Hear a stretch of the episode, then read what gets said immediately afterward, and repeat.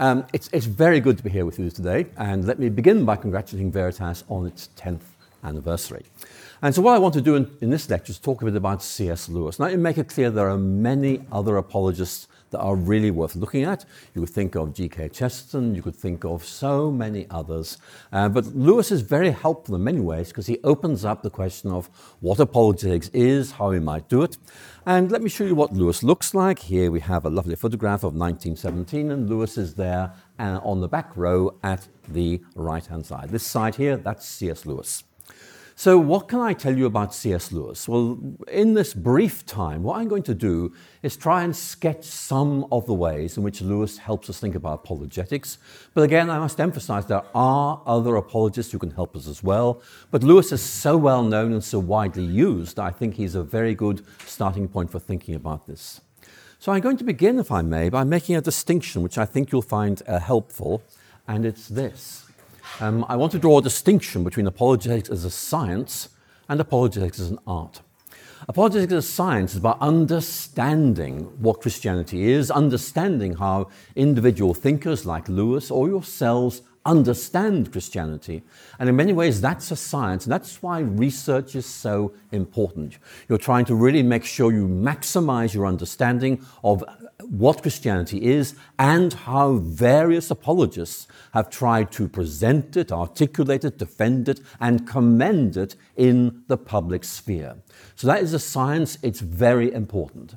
But if we think of um, the analogy of medicine, medicine is about a body of technical knowledge, but it's all about the personal skills to be able to communicate this. For example, if you're a, a, a, doctor, you will need to be able to gain a patient's confidence to try and use their language to understand what the problem is before you begin to apply your technical knowledge to resolving this. And in many ways, apologetics is not simply about speaking, saying, here is what Christianity is. It's about listening to try to understand the language that people use, the difficulties about Christianity they're experiencing, the level at which those difficulties are expressed. Are they cultural? Are they emotional? Are they rational? And then beginning to do the science, which is to work out how I can formulate and present a response. And what I'll be showing you in this lecture is that Lewis is very good at giving us ways of doing apologetics that are pitched at different levels and engage people at different areas of their experience in talking about Christianity. So, what I want to do really is partly commend Lewis, but also just say in general, well, however you understand apologetics, these are some of the questions that you will have to think through, and they are not limited to questions of philosophy or anything like that. They involve practical questions like how do I establish rapport with an audience? How do I gain their confidence? How do I, in effect, enter into their experiential worlds and be able to engage questions that really matter to them. So here's a quote from C.S. Lewis, and I'm really putting this on the screen partly out of interest and partly out of uh, from a concern of um, ancient history. And the ancient history in question is me. Uh, because in 1974, this text from Lewis, it's the final sentence of his uh, lecture, Is Theology Poetry, given at Socratic Club in Oxford in 1945, really captivated me. It grabbed me and made me think that is so good. I want to know more about Lewis. I want to use him as a gateway into the Christian faith. And that actually was the sentence that made me decide I was going to become a theologian. I, at that time, I was studying the natural sciences. In fact, I went on to do a doctorate in natural sciences. But then I left that behind and stepped into this new field of theology. And if you want to blame anyone for that, it's Lewis. And that's the sentence. And it's a beautiful sentence because I want you to look at it and notice how Lewis is, in effect, operating at an imaginative level. In effect, he's saying, step into a picture. Imagine that you are, well, you're on a hill and it's dark and it's misty and the sun is rising. And as it rises, you begin to see what's there on the landscape. The shadows begin to disappear, the mist evaporates. You can see clearly as if for the first time. And for Lewis, what Christianity does is enable us to see things as they really are. And that is such an important part of his apologetics. We understand ourselves, we understand God, we understand the world, and as a result, we see this new world and step into it and make this our world. And in many ways, apologetics is about trying to persuade people there is a world that goes beyond what we see and experience around us, and that there is a place for us in this world, that we can inhabit it, and that transforms us and gives us a new way of thinking, a new way of understanding, and above all, a new way of living.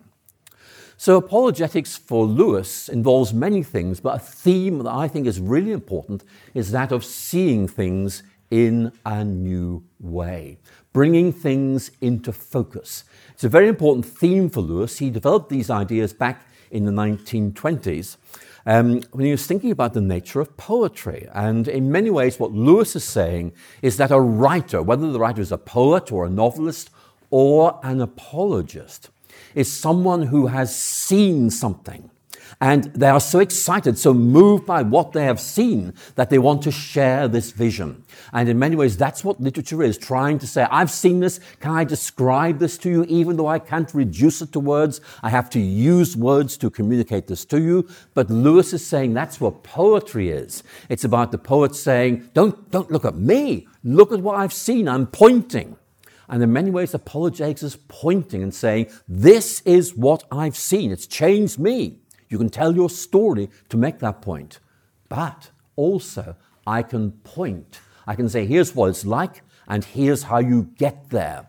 If you like, you're talking about a wonderful landscape of faith, and you can talk about what it's like, but also how to get there and get in. So it's a very, I think, rich way of thinking about how we understand apologetics.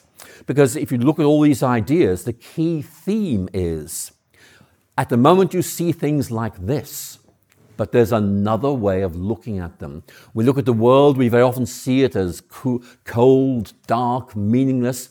And Lewis is saying, when seen in the right way, when you take the right lens, everything comes into focus. Do you know that very famous sentence from Richard Dawkins? The universe we observe has precisely the properties we'd expect if at bottom there is no meaning, no purpose, nothing but blind, pitiless indifference. Lewis would say, well, that's just one way of looking at the world. If you take a different lens and look at the world through it, you see it in a very different way, a vibrant, exciting place where there is meaning, discovery, and hope. And what Lewis is saying is, you need to show people there's a different way of looking at the world. And that is what Christianity does. It, if you like, heals the eyes of your mind so you can see the world as it really is. And to me, that's a great apologetic theme, and you find this throughout Lewis's writings, and I think it's really interesting and important.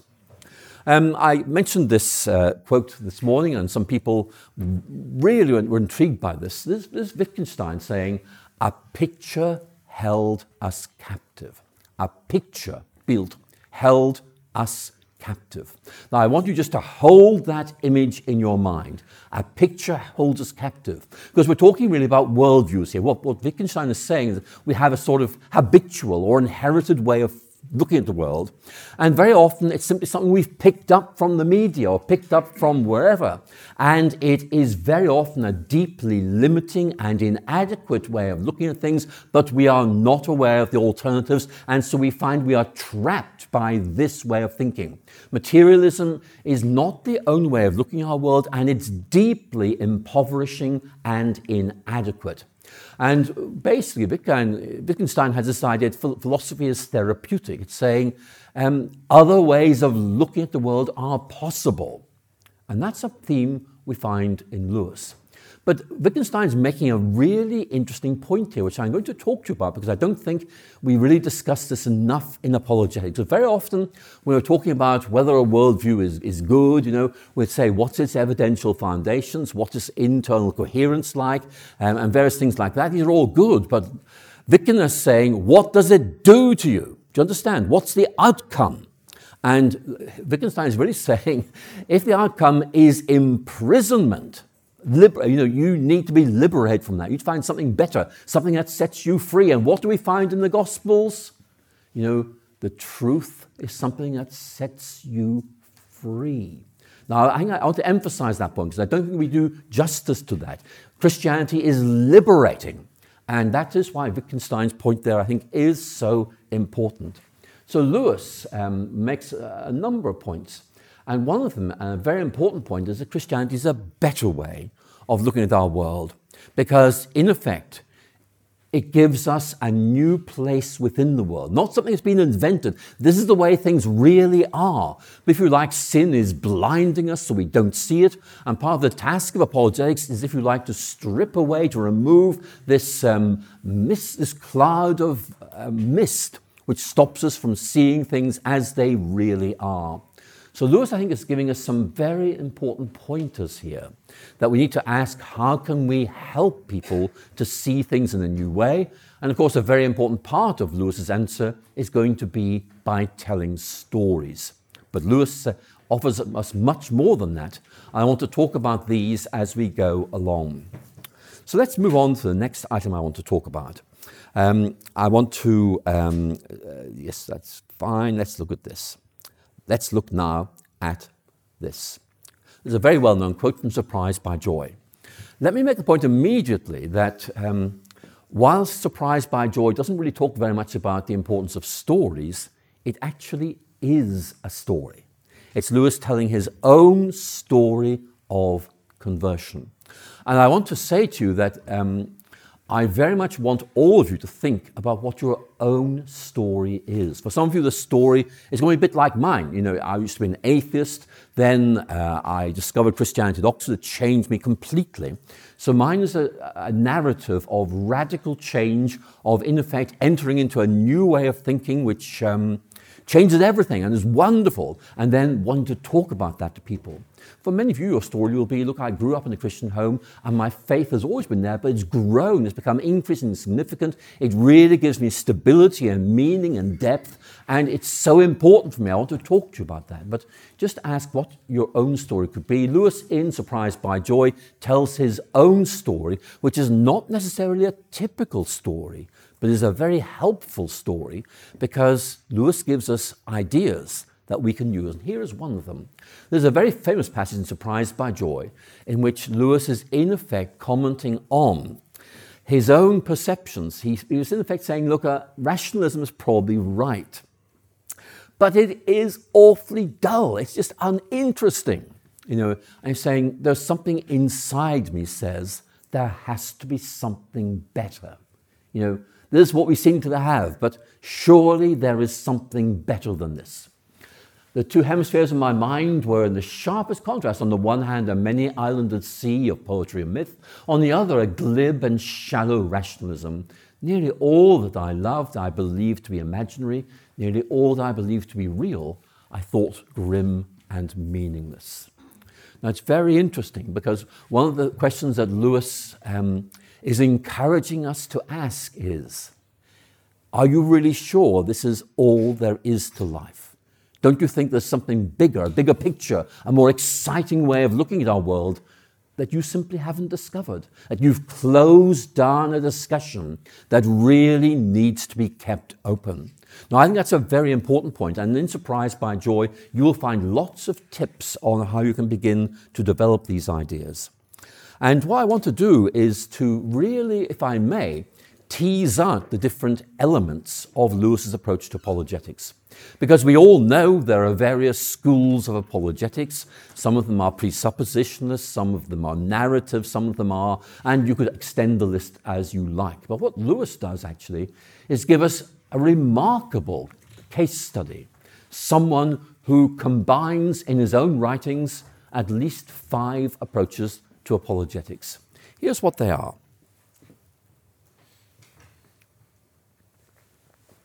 And those of you who've read Lewis will immediately see that these are different themes, different approaches that he weaves into his own writings at different points.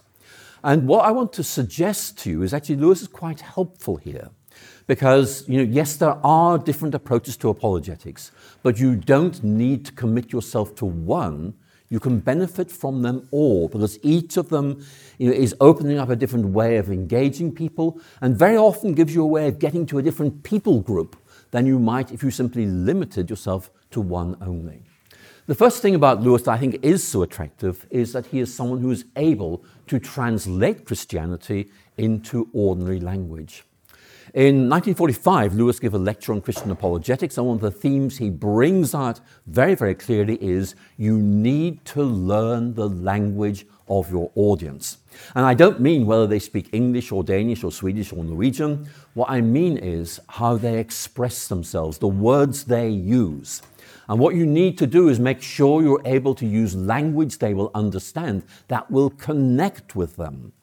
Um, if I give you an example, um, um, in uh, Oxford a couple of, about 10 years ago, I, I, had to give lectures in two different parts of Oxford. Um, one in North Oxford, which is the very posh, sophisticated intelligentsia bit of Oxford, and then out in East Oxford, which is kind of way semi-industrial. Uh, and so I had to speak to both of them about the idea of sins that happened. So in the posh part of Oxford, the intelligentsia dominated part, I talked about um, Dostoevsky and alienation as a model for sin. And, and they liked it because a lot of them read Dostoevsky, so it kind of went quite well. But it would not have worked in East Oxford, which at that time was very working class. And instead, I referenced a, a, a very popular British soap opera and mentioned a sort of episode in which uh, someone had found themselves trapped in a situation and used that to make the point sin entraps us. My point is that, language is not simply English, Swedish, Danish, Norwegian. You all know there are different groups speaking these languages. And very often you need to realize language has a sociological address. In other words, you know, very often without meaning to, you, you're, you're saying, in effect, um, you're an outsider or I'm an outsider. You just got to be careful about this. Lewis is saying, learn the language of your audience, try and speak as if you're a native, one of them, so they can connect with you.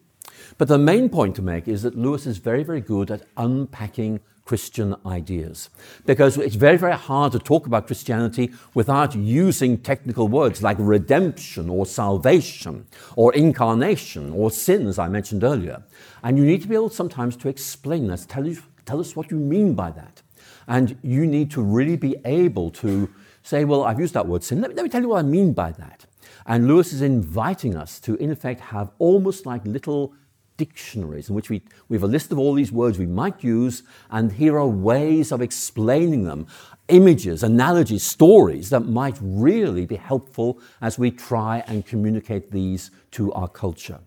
So Lewis is very, very good on this language issue. But of course, as you will know, Lewis was an atheist who became a Christian, and he knew why.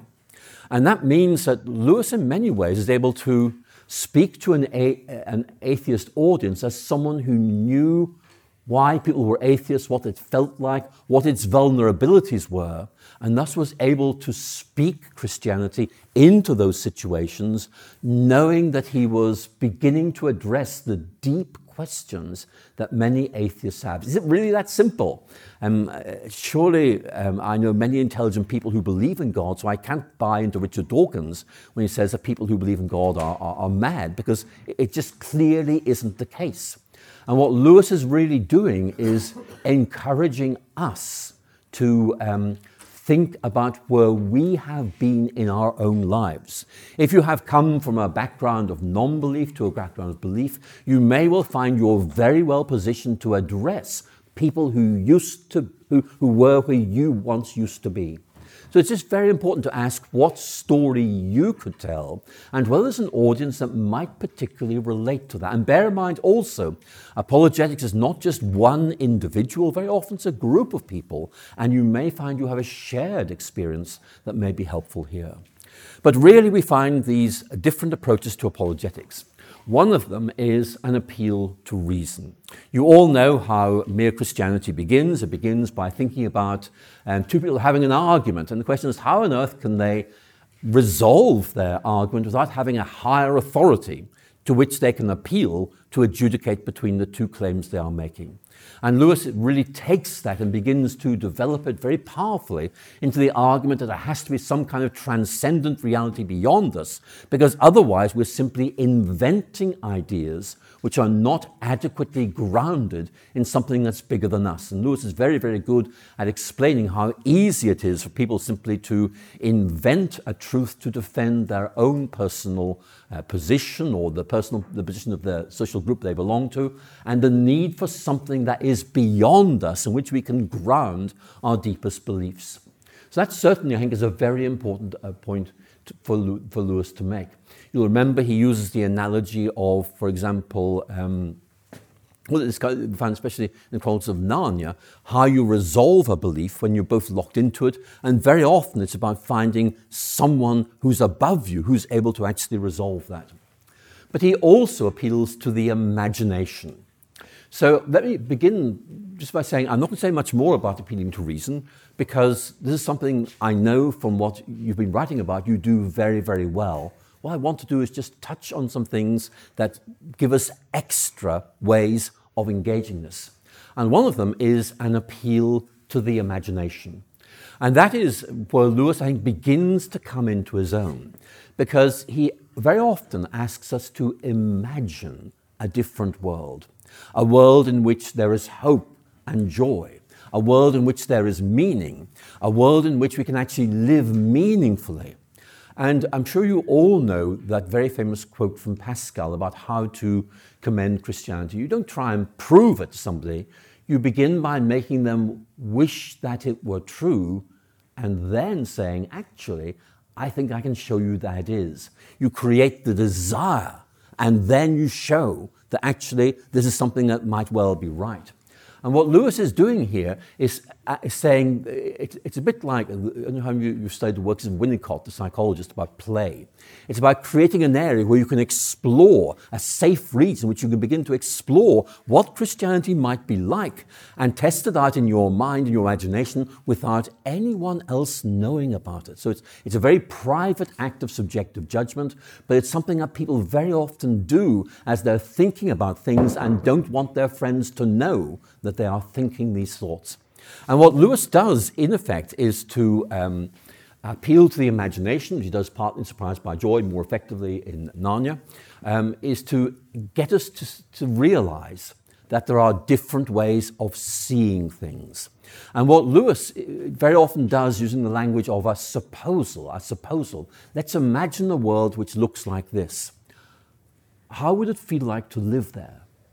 What difference might it make to you? Do you see that if that's right, it brings hope, it brings meaning, it brings a sense of fulfillment and purpose?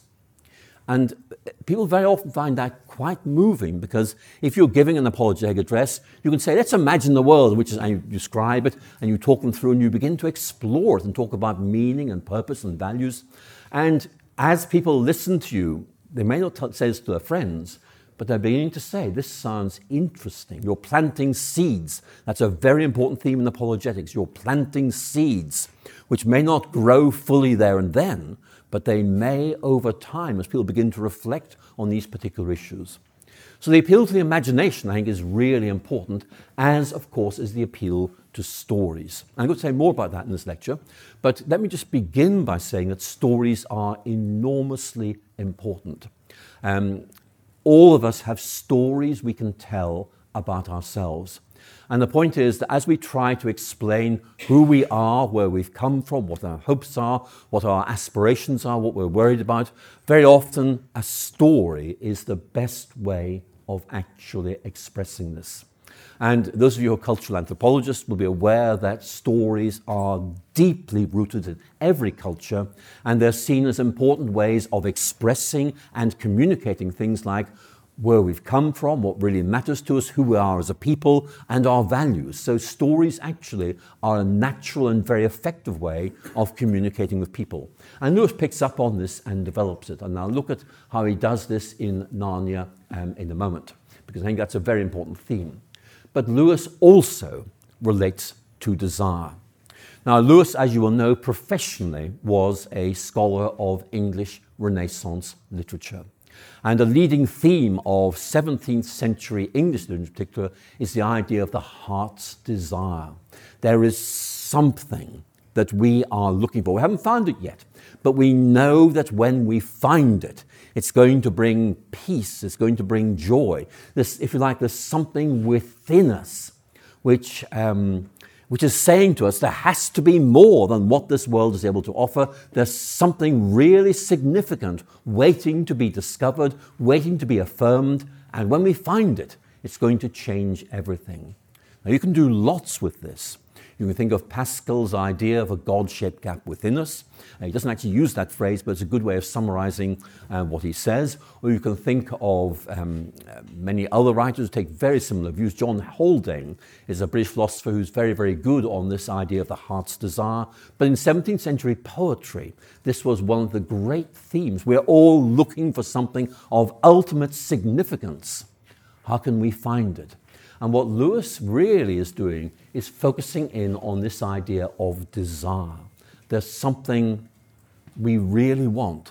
Uh, Lewis uses the German word Sehnsucht, uh, I mean, this, this, this bittersweet yearning for something that's really satisfying as a way into this. And he portrays Christianity as the fulfillment of our heart's desire. And of course, he's not inventing this. The great thing about Lewis is he knows his theology. He's read Augustine of Hippo, and he knows perfectly well that very first paragraph in Augustine's Confessions, in which um, Augustine formulates this prayer You have made us for yourself, and our heart is restless until it finds its rest in you. So we have a theology of creation, we have a theology of redemption, but we have above all an apologetic an apologetic that's rooted in theology, which is saying that if my theology is right, we are made to relate to God, and if we don't, then there is an absence where there should be a presence, and that means we feel that absence and want to know how we can fill this, and very often we try anything we can find to fill that gap, only to discover it doesn't work and wonder is there anything or anyone who's really able to satisfy us? And of course, Lewis will say this is God. Only God is able to satisfy. And you might think of that uh, chapter on hope in Mere Christianity, which I think really explores that point very, very well. So, if you like, Lewis is like an artist. He's an artist with a palette. He's got lots of colors and he's able to use them as he thinks is appropriate for his audience. Sometimes one approach on its own, sometimes he brings them together. What I want to say to you is, as if you think about the science of apologetics, it's just important to realize how rich the Christian faith is and how many apologetic openings that Christian theology creates for you. And really, you know, I want you to say part of the science of apologetics is figuring out what these are and how you could use them individual, individually. So we have the science, which is, in effect, there's all this wonderful stuff. And then there's the art, which is how can I take these and use them in my own ministry to my audiences. Because again, audiences matter profoundly. What works for one audience will not work for another. You think of the Acts of the Apostles, think of Peter's sermon in Acts 2 on the day of Pentecost to an audience of Jews. The argument there is Christ fulfills the aspirations and hopes of Israel. Think of Paul in Athens in Acts 17. Um, they hadn't heard of the Old Testament in Athens but they did know about a sense of transcendence, a sense that the, the, their existing systems of, of divinity didn't adequately express everything. There was something missing, an unknown God. And Paul was able to deliver this brilliant line What you worship as unknown, I proclaim, I name to you. You haven't found it yet, but it's there. It's called Christ. And so it's a very, very rich and satisfying thing. And so, really, what I want to say to you is you know, you've got a wonderful journey of exploration as you begin to unpack the Christian faith and try and figure out how you can take this and use it in apologetics. Lewis does it in his own way, but you can do it and you can say, knowing my gifts, my audiences, my situation, here's what works best for me. If you like, Lewis and many other apologists give us a toolkit, but you and I have to take that toolkit and use it in our own situations. So let's now think about stories a bit more, because I really want to focus on stories in Narnia, because I think these are extremely important. Stories um, and arguments uh, have a complex relationship. Now, I want to say um, they are different and they are both important. I'm going to be talking to you mostly about stories. In no way am I suggesting arguments are not important.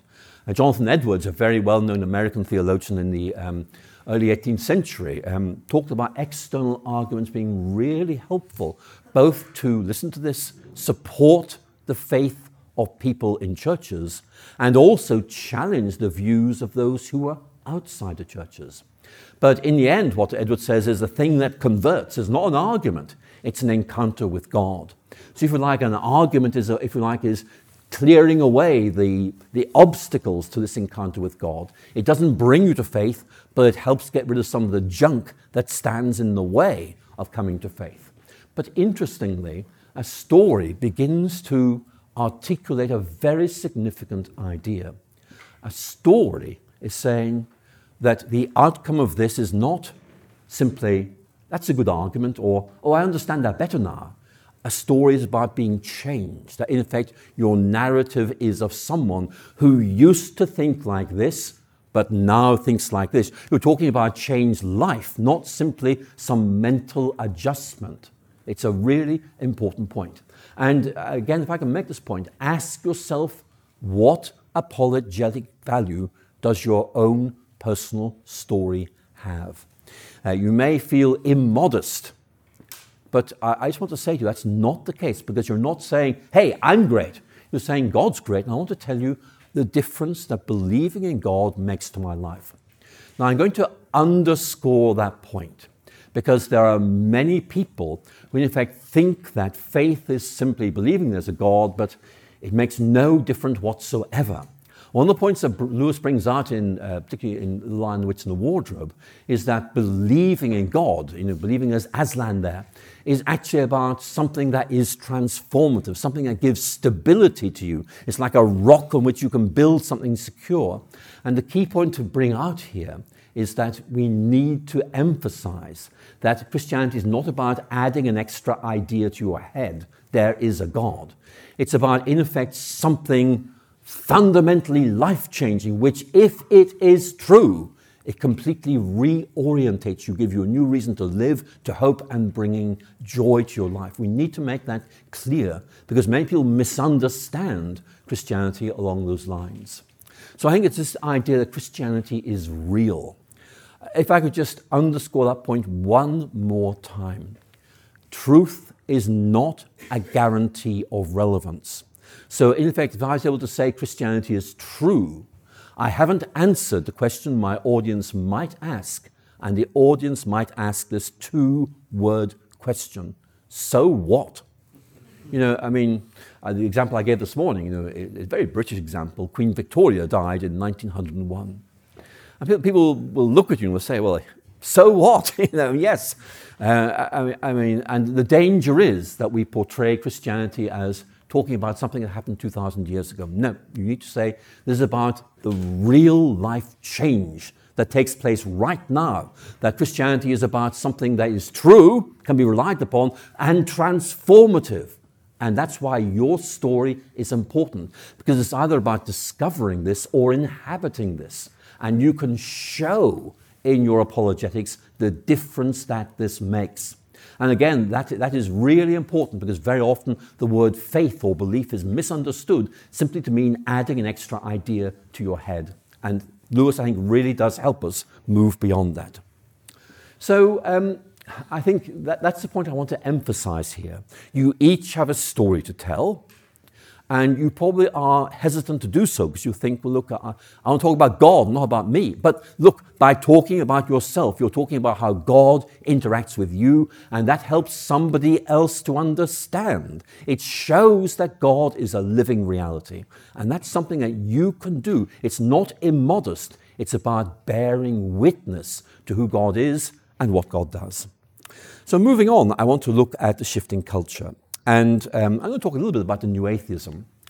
I used to be a natural scientist. My first degree was in chemistry, and then at Oxford, I, I did a doctorate also in molecular biophysics before changing to theology as a result of reading C.S. Lewis.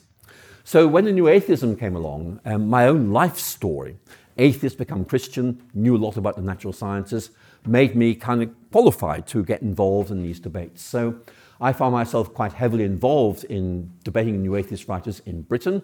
And for a while, as you will all know, there was huge media interest in this. The media were thinking, hey, this is the end of religion, yay! And uh, they, were, they were very excited about this and thought this was the, the beginning of a new phase in human history. But it wasn't, it was a false dawn. And, and, partly it was because the new atheist writers were very aggressive and arrogant, but also it was just that the new atheism was terribly modernist, you know, and it just could not speak to um, uh, an increasingly complex culture. And where were all the women in the new atheism? There's a good question. Its four leading representatives were all old, white, middle class males. Think of the sociological specificity there. Very important. But interestingly, um, you can argue with the new atheists, and that is something we can all do. But actually, what um, I, I want to suggest is that another way of doing this is to tell stories. I have a friend called, um, sorry, um, at Cambridge, Denis um, Alexander, and he and I are both in science originally. We talk a lot, and we noticed in our conversations that a lot of people were coming to us and saying, We used to think Richard Dawkins was brilliant. But then we looked at them more closely and thought, this is just nonsense. It's overstatement, it's misrepresentation. And as a result, they began to read the New Testament, read Christian writers like C.S. Lewis or Richard Swinburne or others, um, and um, became Christians. And so we published this book, which is just a, a collection of 12, it's really testimonies actually, 12 stories of people who thought Dawkins was right and then the story of their disillusionment, disappointment, re engagement with Christianity, rediscovery of faith. And they are lawyers, they are scientists, they're all over the place. There are five different nations here. But what's really interesting, the reason this book is selling so well is not because of arguments, it's because of the stories. The stories grab people's attention. They're really interesting. And what people say to me is that very often people read this book and say, that essay there, that's me. That, that, is, that is exactly who I am and the problem I have, and that really helps me. Stories are really helpful. So, moving on then, let's look at a point which um, I think is really important. And this is, um, this is Austin Farrer. Austin Farrer is an Oxford uh, philosopher of religion, very good friend of C.S. Lewis. He was one of the two witnesses at C.S. Lewis's civilian marriage to um, Joy Davidman. And what he's saying is, you know, arguments are quite useful. And then he's going to say, but they're not good enough. Here's why he's saying they're useful. Argument does not create conviction, but the lack of it destroys belief. What seems to be proved may not be embraced, but what no one shows the ability to defend is quickly abandoned. Rational argument does not create belief, but maintains a belief in which belief, a climate in which belief may flourish.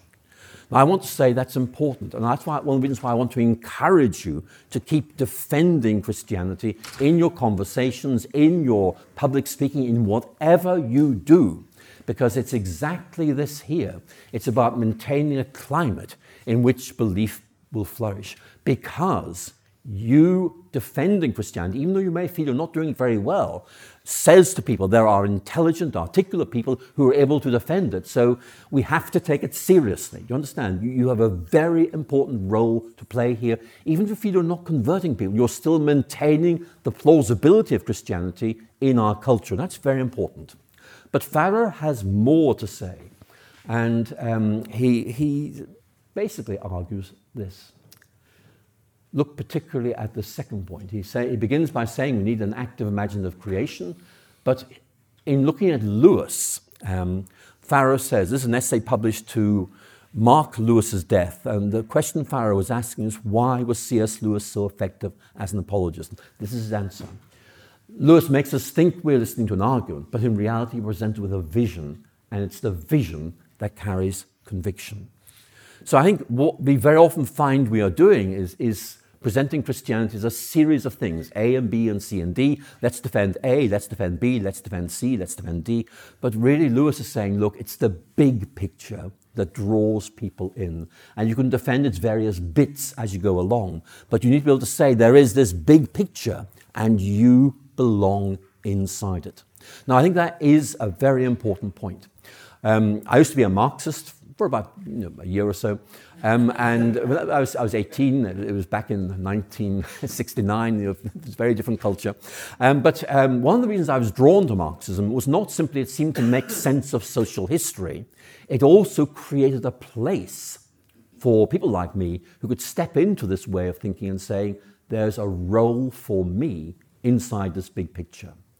And that's what I found in Christianity. Lewis helped me to see this. I think that's a very important point to make. That in effect, Christianity creates this wonderful vision of reality. And it affects all of us because we can see, we can step into this, and it brings us dignity, meaning, value, and purpose. Purpose is something that's created by a framework of beliefs, and that's what Christianity does. Now, I'll talk more about that, specific reference to Lewis in a moment, but it really is important. So let me move on there and just talk about this. This is about Narnia. And so, in effect, uh, this is one of these key points that Lewis makes in, well, particularly the Lion, the Witch, and the Wardrobe, but it's there right throughout Narnia. And the first point that Lewis is making is this In our culture, there is a diversity of stories. We mustn't be flummoxed, mustn't be thrown, mustn't be distracted by that. That's just a fact of life. There are many stories. Doesn't mean they're all right. What we've got to do is to choose the best story, which we've done, and then show others that this is the best story. And I use the word best there, and uh, if I can just make clear, maybe we can't prove this is right, but what we can do is show it's better than the alternatives. It's a very important point. You can say, in effect, uh, I can't prove this is right. I, I, I, can show it's very reasonable, makes a lot of sense. I can also show you it's better than naturalism or materialism because, and one of the reasons you're going to give is it brings hope. It gives you a place within this. I'll come back to this point in a moment. But Lewis is saying, look, there are different stories about what Narnia is. And the children have to decide which of these stories is right, which is to be trusted, and that's a very important point apologetically to recognize a diversity of stories and then say this one is trustworthy. If we go back to the Acts of the Apostles, one of the things you notice is how many worldviews there were in the early Mediterranean world. So many. But the early Christians didn't worry about that. They just proclaimed Christ and said, here is what we think is right, and here is the difference that this makes. But then this point, entering into the Christian story. You think of the four Pevensie children in The Lion, the Witch, and the Wardrobe. They each have their own individual stories, but by stepping into the big Christian story, the story of Narnia, they find they have a new significance, a new purpose, a new value. And in many ways, what we need to be able to do is to help people to see that stepping into the Christian story, becoming part of the Christian story, a good way of thinking about faith, it's not about abandoning my own identity, but rather about fulfillment. I find what I was made to do. I've discovered who I really am and the difference that this makes. So, that I think is a lesson that we can take away from C.S. Lewis in the Chronicles of Narnia.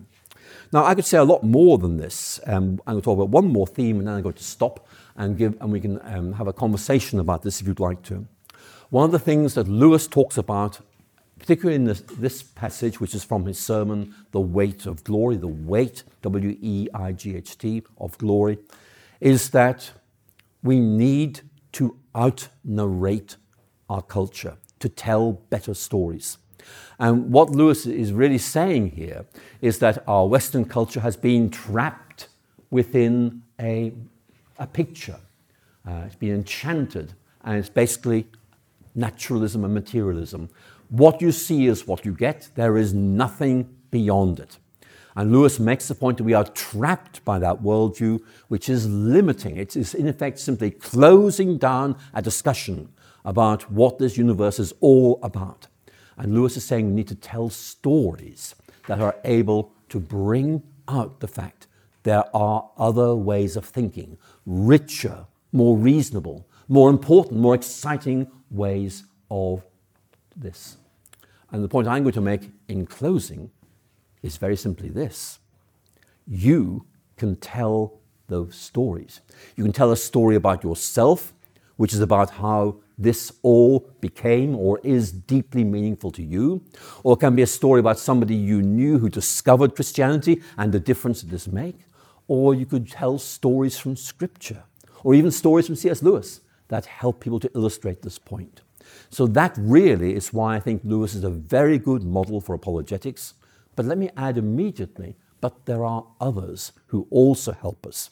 And although I'm very, very appreciative of C.S. Lewis, there are many other names you want to think about. I think, for example, of Tim Keller, sadly no longer with us, but nevertheless, he gave us some very good ways. Tim Keller, as you probably know, was deeply influenced by C.S. Lewis, but felt he had to adapt C.S. Lewis to a Manhattan audience with a very limited attention span. So he had to kind of condense C.S. Lewis. But he's a brilliant example of someone who knew Lewis, knew his audience in Manhattan, and said, I can find a way of doing a Lewis for my audience. You aren't limited to Lewis. What I'm going to say to you is, you can do some great things with Lewis in whatever situation you find yourself. And I hope that's a uh, useful stimulus to your reflections. And thank you so much for listening to me. I appreciate that very, very much.